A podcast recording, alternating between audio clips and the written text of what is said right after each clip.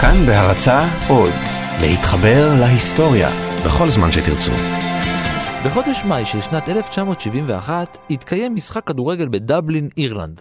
נכון, זה כבר נשמע אלים, אפשר לנחש שזה יגיע למקומות לא נעימים, בכל זאת, אירלנד, כדורגל, שנות ה-70. בכל מקרה, המשחק היה בין קורק הייברניאנס ולינפילד, שתי קבוצות מבלפאסט שהתחרו ביניהן על הגביע בדלימאונט פארק. אוהדי לינפילד ידועים כנאמנים במיוחד לקבוצה שלהם, הם הלכו עם מועדון הכדורגל לכל מקום ולכל משחק. יותר מזה, הם היו גם לויאליסטים, תומכים באיחוד בין אירלנד והממלכה הבריטית. האווירה הייתה מתוחה. המצב הפוליטי והעימות בצפון אירלנד באותן השנים תרם מאוד להעלאת המתח, ואחרי המשחק החל מחנה האוהדים להצטופף מחוץ לאצטדיון.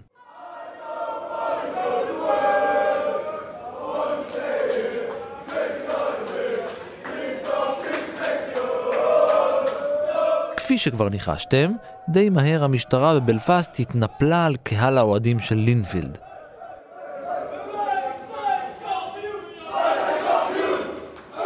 קצין של יחידת המעקב הלאומית האירית, הגרדה, ריסק לאחד האוהדים את המשקפיים אל תוך הפרצוף.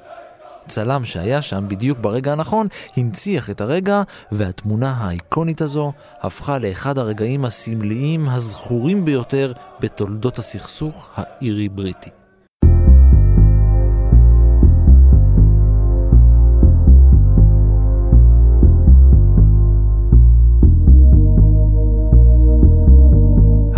אני ערן מנהר ואתם על מנהר הזמן.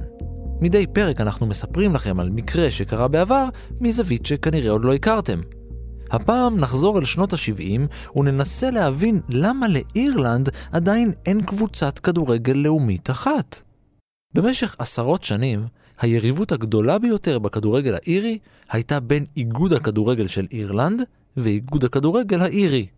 הראשון, The Football Association of Ireland, והשני, The Irish Football Association. אם זה נשמע לכם מטופש, אתם כנראה צודקים. אבל לאירים יש סיבה. בשנות ה-20 של המאה הקודמת, איגוד הכדורגל של אירלנד התפצל מתוך איגוד הכדורגל האירי, והשניים החלו להתקוטט. במשך שנות ה-50, ה-60 וה-70, הסכסוך הזה בין שני האיגודים הגיע עד כדי איבה, שלא לומר שנאה. איגוד הכדורגל האירי, או ה-IFA, נולד בשנת 1880 על ידי שבעה מועדוני כדורגל מבלפאסט. הם ארגנו את כל משחקי הכדורגל ברחבי אירלנד כולה. זהו הארגון הרביעי הוותיק ביותר בעולם הכדורגל. בשנת 21 החלו לצוץ מחלוקות בין המועדונים השונים בתוך האיגוד. מלחמת העצמאות האירית באותן השנים העלתה את המתיחות בין המועדונים בצפון אירלנד ובדרומה, והנתק הזה בין הצדדים עצר את כל הליגה. משיקולי ביטחון, ה-IFA הורה על קיום משחק חצי הגמר בבלפאסט במקום בדבלין, וזה היה כבר יותר מדי עבור הכדורגל הדרומי. הם פרשו מהאיגוד, וכך נולד לו איגוד הכדורגל של אירלנד, או ה-FAI. ה-IFA, הוא באמת נולד אה, בבלפאסט, והיה מנוהל על ידי ה... unionists, בואו נגיד הפרוטסטנטים, שהם שלטו פחות או יותר בצפון אירלנד, וגם בכל אירלנד אז, שכל אירלנד הייתה שייך לבריטניה. זהו רוברט סגל, בעליו של הפאב האירי מולי בלומס. אה, ובאמת אה, כדורגל לא כל כך תפס בדרום. זה, היו מסתכלים על זה בתור אה, משחק בריטי, ולא כל כך שלנו, מה שנקרא. יש כדורגל אירי שנקרא גייליק פוטבול. שמנוהל על ידי ה-GAA, Gaelic Athletic Association, אה, שזה הרבה יותר מסורתי, הרבה יותר אירי, והיה הרבה יותר פופולרי מסוקר או כדורגל אנגלי, מה שהיה אז. אה, אבל בכל זאת זה התחיל להתפתח אה, כדורגל באירלנד, אבל גם כן לא הגיע לרמה כל כך גדולה. הבעיה שכן צצו מועדונים, במיוחד בדבלין, אבל עדיין כל ההחלטות הגיעו מבלפאסט, ולא אהבו את זה. אז באמת שאירלנד אה, קיבלה עצמאות ב-1921-2, אז uh, החליטו לסיים עם כל האפליה הזאת, ואז נולד ה-FAI. שהוא, אה, אז המדינה אירלנד היה נקרא The Free State of Ireland. זה עוד לא היה Republic of Ireland, Republic of Ireland הגיע בשנות ה-40. ה-FAI פשוט רצה לתת מענה למועדוני הכדורגל בתוך אירלנד. וגם כן, נבחרת אירלנד, שהייתה, היה אז uh, חלק מבריטניה, שאירלנד קיבלה עצמאות, אז היה את ה-Free State of Ireland, עוד נבחרת. ואף אחד לא רצה להיות עם השני. ואף אחד, אף איגוד לא רצה שהשני ינהל אותו. בשנת 64 למשל, נכחו נציגים של איגוד הכדורגל האירי במשחק בינלאומי בין פולין ואירלנד. המשחק התנהל ביום ראשון. משחק ביום ראשון? מבחינת אירלנד הצפונית, מדובר בחילול הקודש. ההפגנות כבר התפרצו אל הרחובות. שנה אחרי כן, הגיעו שני האיגודים להחלטה ביניהם. קבוצות הנוער מהצפון ומהדרום התחרו ביניהן בטורניר שנתי. ב-67 יצאה לדרך תחרות הגביע האירי בלקסניט. ארבע קבוצות מכל אחד מהאיגודים. אבל הטורניר הזה לא ממש תרם להורדת המתח בין שתי האירלנדס. הפוליטיקה האירית הפנימית הכריעה. בשנת 69 הועלתה הצעה לאספת איגוד הכדורגל של אירלנד. בואו וניגש אל איגוד הכדורגל האירי ונציע להם להקים נבחרת כדורגל אירית מאוחדת של כל אירלנד. מנחשים מה קרה? נכון, ההצעה נפלה. אפילו התאחדות הכדורגל העולמית, פיפ"א, חיכתה למהלך הזה. איחוד של שני איגודי הכדורגל היה צעד מבורך. בהתחלה, שאירלנד קיבלה עצמאות, אז היה את ה-Free State of Ireland, ומה שנשאר בצפון אירלנד, רצו לקרוא לעצמם אירלנד. ה-FAI אמרו, לא, אין מצב, זה לא אירלנד, אנחנו אירלנד. הם צפון אירלנד. אז הם ניסו לשכנע את פיפ"א שהנבחרת צפון אירלנד יקראו לעצמם Northern Ireland. וה-IFA לא הסכימו, הם רצו להיות איילנד. Mm. אבל אז הם חשבו על זה, ואמרו, רגע, אם אנחנו איילנד, אז יחשבו שאנחנו ה-free state. בקיצור, זה הלך הלוך חזור, הלוך חזור, בסופו של דבר הם עברו להיות ה-Northern Ireland, וה-Free State הפך להיות Republic of Ireland, שזה מה שיש היום. פיפ"א רצו, כאילו, כמובן, זה היה יותר טוב אם היה נבחרת אחת, כמו נבחרת הרגבי. אבל זה לא היה כל כך פשוט. אה, פשוט השורשים של הרגבי באו מ... גם בצפון וגם בדרום, מי ששיחק רגבי, היה באמת ה middle class, upper middle class, שהם היו פרוטסטנטים, גם בצפון וגם בדרום, אז לא היה להם באמת בעיה. לא היה, לא היה להם בעיה אם היו מנגנים God Save the King או משהו, המנון כזה במשחק, כי בסדר, הם פרוטסטנטים, לא, לא לפה לא ולא לשם. אה, לא הפריע להם, אז מאז ותמיד האיגוד הרגבי האירי תמיד היה כאילו מיוח, אה, מיוחדת. החל מסוף שנות ה-60 ואל תוך שנות ה-70, האלימות באירלנד הצפונית גאתה. כל ניסיון לאחות את הפיצול בין שני האיגודים נתקל בחומה אלימה של אוהדים. אפילו גביע בלקסניט השנתי היה בסכנה. בשנת 70 שוב גיששו שני המועדונים זה לכיוון זה, והפעם נבחרו שחקנים משני האיגודים, משתי האירלנדס, להרכיב נבחרת שתשחק נגד ארסנל. המשחק היה משחק לכבוד השחקן טרי ניל, אירי וכוכב ארסנל שחלה בצהבת. ככל שהתקדמו ההכנות למשחק, כך גברו גם הקולות שקראו לאיחוד בין האיגודים. כל אחד היה של השחקן ג'ורג' בסט, שטען שהוא יודע ממקור ראשון על שחקנים מהצפון ומהדרום שמעוניינים בזה.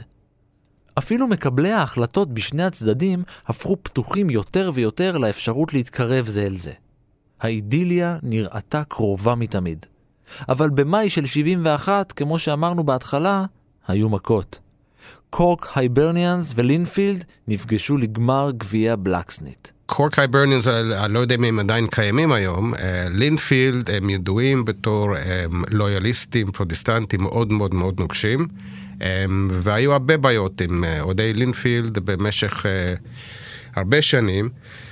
שהם אה, באמת מה שנקרא הארדקור של, ה, של היוניוניסט בצפון, ואין להם שום אינטרס ש, שיהיה שום, אה, שום שלום או איחוד או שום דבר כזה. הם אה, אוהדים מאוד מאוד גאים, אבל מאוד מאוד גזענים גם כן. זה הכל שבטים, כן? אם מסתכלים על כל הבעיות של אירלנד, אה, גם בשנות ה-60-70, מה שקרה אחרי זה, ומה שיש היום, שנשאר קומץ הארדקור משני הצדדים, אפשר לסכם את הכל בסלטיק ריינג'רס. שזה בסקוטלנד בכלל. אבל למה סלטיק ריינג'רס? ריינג'רס, הפרוטסטנטים, הסקוטים, המקורים, וסלטיק המהגרים, הקתולים, האירים, שבאו לכבוש את סקוטלנד, כאילו במירכאות כפולות. זה שבטים, זה הכל חוזר גם כן ל, לימים של הקלטים גם כן, שבטים נגד שבטים, מלך נגד מלך, אה, תמיד היה, תמיד יהיה, אני, אני חושב גם כן, לצערי. האוהדים שצפו את היציאים. ועוד איזה אוהדים. אלה שעודדו את לינפילד היו תומכי בריטניה המאוחדת. הם צרחו קללות בגנות כוח המתנדבים של אלסטר, ה-UVF, ששם לו למטרה להתנגד ולהרוס את הבדלנים האירים. ומצד שני, היו אוהדי הקורק, ואם אתם חושבים שהקללות האלה עברו בשקט, אתם לא מכירים את הדם האירי. שתי קבוצות האוהדים החלו לזרוק זה על זה בקבוקים, ואז אבנים. המצב הידרדר, והמהומות, כפי שכבר אמרנו, המשיכו אחרי המשחק. אם אני זוכר נכון, זה היה בברנדיוול. אמ, היה גם כן, היו הרבה בעיות איפה, איפה, להחליט איפה, איפה לשים את המשחק, אם זה יהיה בצפון, אם זה יהיה בדרום, אמ, באיזה אזור. בסופו של דבר נראה לי שזה התקיים שם בגלל החלטה של המשטרה, ומשטרה פשוט לא שלטו על, על המצב שם. ההתפרעויות התרחשו בברנדיוול, אצטדיון הבית של מועדון דרי סיטי. המשמעות היא שהמקום קוטלג כמסוכן, ומשחקים של המועדון נאלצו לעבור למקום אחר, במרחק של יותר מ-60 קילומטר משם. אוהדים צריכים לנסוע, כאילו, עוד פעם, כל אחד רוצה להיות כמה שיותר קרוב לבית שלו. אמ, אבל אמ, במקרים, במקרה הספציפי הזה, פשוט, פשוט המשטרה לא, לא היו מספיק ערוכים. אמ, שמעתי גם כן שהם בסוף המשחק הם יצאו החוצה כדי למנוע בעיות, ואז הבעיות התחילו בפנים. אמ, אל תשכח גם כן שבדיוק בשנים האלו, בסוף שנות ה-60, תחילת שנות ה-70, זה היה ההתחלה של מה שנקרא Troubles בצפון אירלנד. שהכל התעורר, המצד של הקתולים לשוויון זכויות, הכניסה של הצבא הבריטית לצפון אירלנד, ה-B Special, זה השוטרים המאוד מאוד אלימים שהשתמשו לדכות את כל המהומות האלו. זה לא היה עוד שיא, אבל זה ממש ההתחלה של, ה, של הבעיות שהיו בצפון אירלנד, ה-Troubles. המצב היה כל כך חמור, שנשיא איגוד הכדורגל האירי הצהיר שאי אפשר לארח במקום משחקים של גביע אירופה. ב-1972 פרש מועדון דרי סיטי מהליגה האירית. עכשיו, באירלנד קוראים לזה דרי, אצל הפרוטסטנטים זה לונדון דרי. אז תלוי מאיזה צד אתה מגיע. אך התקווה לנבחרת אירית מאוחדת עם שחקנים משני המחנות לא עבדה. בדיוק להפך, היא הוצתה מחדש כשבקיץ של 73 נשלחו שחקנים משני הצדדים להרכיב את נבחרת החלומות האירית. קראו להם שמרוק רוברס All Ireland 11. ומול יותר מ-30 אלף איש שהגיעו למשחק בדבלין, הם שיחקו נגד נבחרת ברזיל.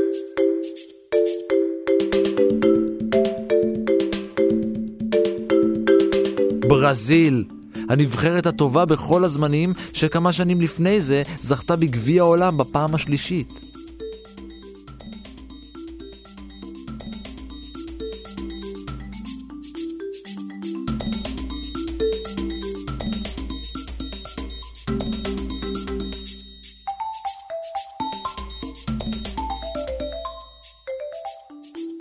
שברזיל היה ברזיל. המשחק הזה היה, זה היה נדמה לי רעיון של ג'וני ג'יילס, אה, שחקן אירי אה, מאוד מאוד מפורסם, אה, ושחקן צפון אירי דרק דוגן, שהוא שיחק נדמה לי בוולפס, אם אני זוכר נכון. עכשיו, הוא טען שהיה אפליה נגדו, שלא בחרו אותו לנבחרת צפון אירלנד. אה, למרות שהוא היה בן 35 כבר, אבל לא נראה לי ש... שהוא היה מגיע בכל זאת. אבל הם, הם ביחד הצליחו להרכיב את, ה... את השאמרוק רוברס 11 הזה, גם משחקנים מצפון אירלנד וגם מהדרום, והם שיחקו באמת נגד uh, ברזיל, והם הפסידו רק 4-3. אצל הרבה מהצופים המשחק הזה עורר תקוות מחודשות. הם כבר ראו נבחרת אירית שיוצאת לייצג את כל העם האירי בתחרויות בעולם. אני חושב שלצופים הרוב היה מעניין לראות את נבחרת ברזיל. הרבה פחות אכפת להם מי משחק נגדם. זה היה רק טבעי שאחרי כל כך הרבה שנים וכל כך הרבה ניסיונות ייערך מפגש בין שני האיגודים. אז מכתב נשלח מאיגוד הכדורגל של אירלנד אל איגוד הכדורגל האירי, וכשאצלנו בארץ החלה מלחמת יום כיפור, באירלנד החלו המגעים לשלום. הפגישה המיוחלת התקיימה ב-2 באוקטובר 1973. איך בכלל מחברים שני איגודים? מה עם כל הקבוצות השונות? איך זה בכלל עובד? מה עם מערך החינוך והאימון? שופטים, בתי ספר לכדורגל? אז הנה, עובדה, זה לא עובד. הרבה מהבעיות בין שתי, אה, בין ה-FAI וה-IFA גם כן היו, אה, היה השאלה גם של הכנסות ממשחקים. שזה אולי נשמע כמו משהו די uh, טריוויאלי, אבל uh, היה מסתכם בהרבה כסף, וזה גם uh, היה, היה משהו מאוד מאוד חשוב להם. Um, מבחינת uh, החוק של, uh, בצפון אירלנד, שחקן שנולד באירלנד, לא משנה איפה, יכול לשחק בנבחרת צפון אירלנד. וגם באירלנד עצמה, שחקן שהוא נולד בצפון אירלנד יכול לשחק בנבחרת uh, של הרפובליקה גם כן. אז שחקנים באמת צריכים באיזשהו שלב לבחור באיזה נבחרת הם רוצים לשחק. נדמה לי שה-IFA פשוט אה, הרגישו שהם מתחילים לאבד את השליטה שלהם, אה, ושה-FAI מתחיל להיות יותר חזק. הרמה של הנבחרת האירית, ה-Republic of Ireland, מתחיל להשתפר, ומרגישים שהם הולכים להפסיד משהו, הם לא הולכים לעשות משהו. שני האיגודים דיסקסו ביניהם את האפשרות לאיחוד ואת כל הנושאים שהזכרנו עכשיו, והם קבעו גם שכדי להתקדם, ובכן צריך להתקדם, ולכן צריך להיפגש שוב. אז הם נפגשו שוב, אחרי ארבעה חודשים. הפעם הם הגיעו לכמה הסכמות, כמו בענייני משחקים באירופה, משחקי ידידות בין אירלנד ובריטניה ועוד נושאים, הכל תלוי באישורם של גורמים בבריטניה ובפיפ"א.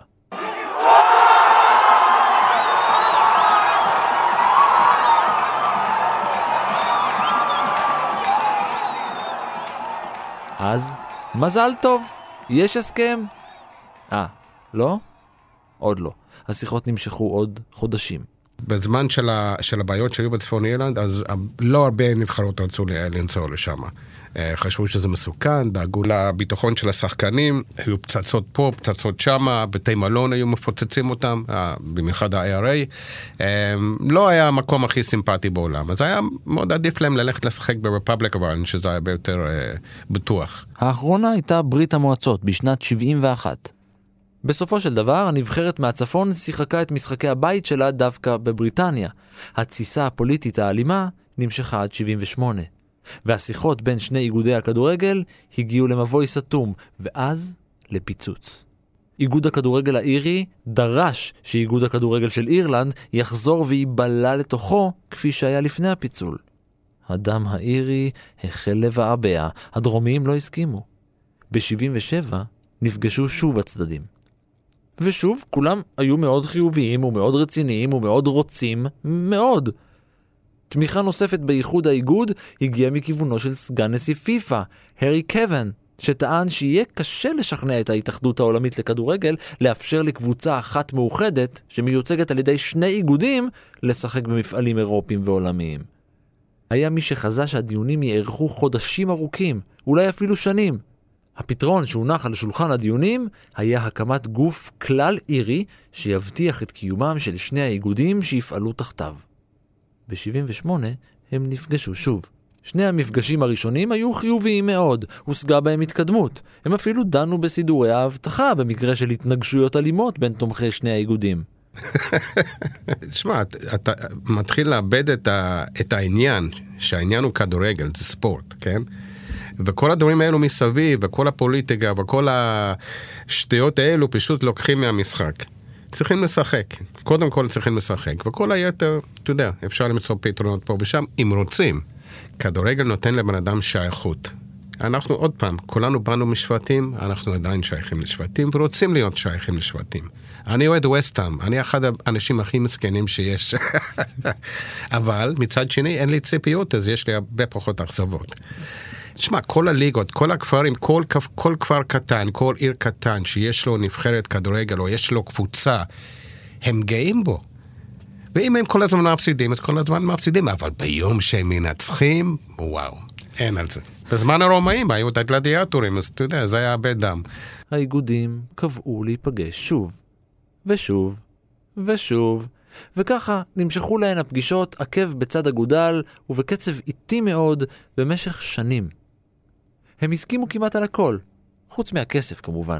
הם לא הצליחו להגיע להסכמה בנוגע לחלוקת התגמולים ממשחקים בינלאומיים. אם הם משחקים ביורו, במשחק, אז כמובן שיואפה, אני מניח שהם מקבלים איזשהו תגמול או איזשהו זה, וגם איפה שהם מסיימים את התחרות, אם הם עפים בסיבוב הראשון, זה שווה פחות כסף. אם הם מגיעים לחצי גמר, זה שווה הרבה יותר כסף. אז יש, יש הכנסות, אה, אחוזי אה, הכנסות אה, ממשחקים, מאוהדים, אנשים שקונים כרטיסים, מחולצות, יש מלא מלא דברים מסביב לכדורגל. תסתכל על מועדון כמו מנצ'סט יונייטד למשל, כמה כסף הם עושים מדברים שהם לא קשורים למשחק עצמו. בכל זאת, שני האיגודים קבעו להיפגש שוב. אלא מה?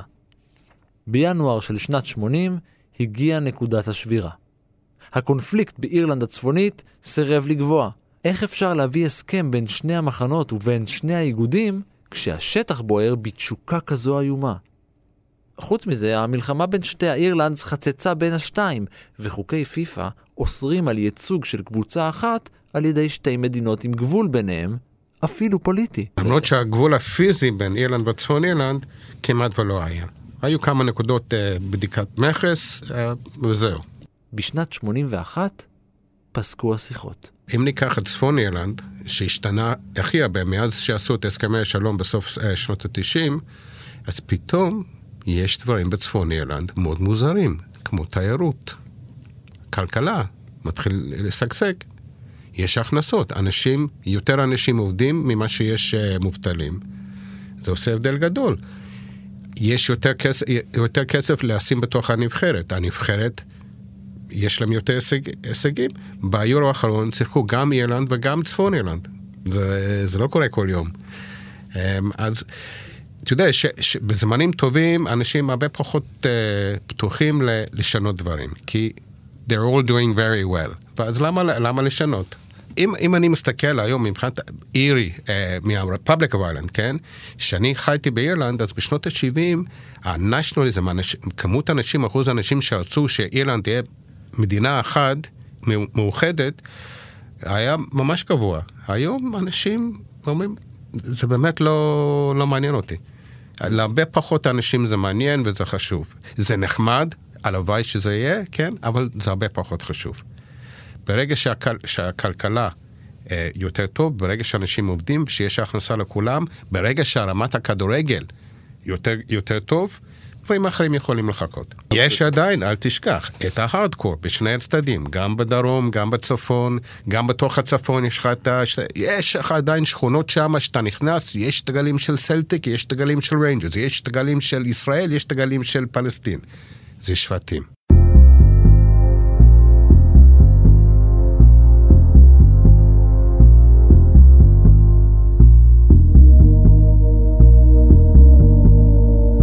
ועד כאן מנהרת הזמן להפעם. תודה לרוברט סגל, תודה גם לאור מנהר שהיה בקישור ועל ההפקה, לניר גורלי שהיה בעמדת הבלם ועל העריכה, ואם היה לנו טכנאי, הוא כנראה היה עדיין בחדר ההלבשה. סיפורים נוספים מההיסטוריה ופרקים אחרים של מנהר הזמן ניתן למצוא באתר של כאן.org.il יש שם המון פודקאסטים מעולים. אתם יכולים לעקוב אחריי ברשתות החברתיות, בטוויטר ובפייסבוק, להגיב, להציע רעיונות, ובכלל, להתחבר. אני ערן מנהר, נשוב וניפגש בפרק הבא.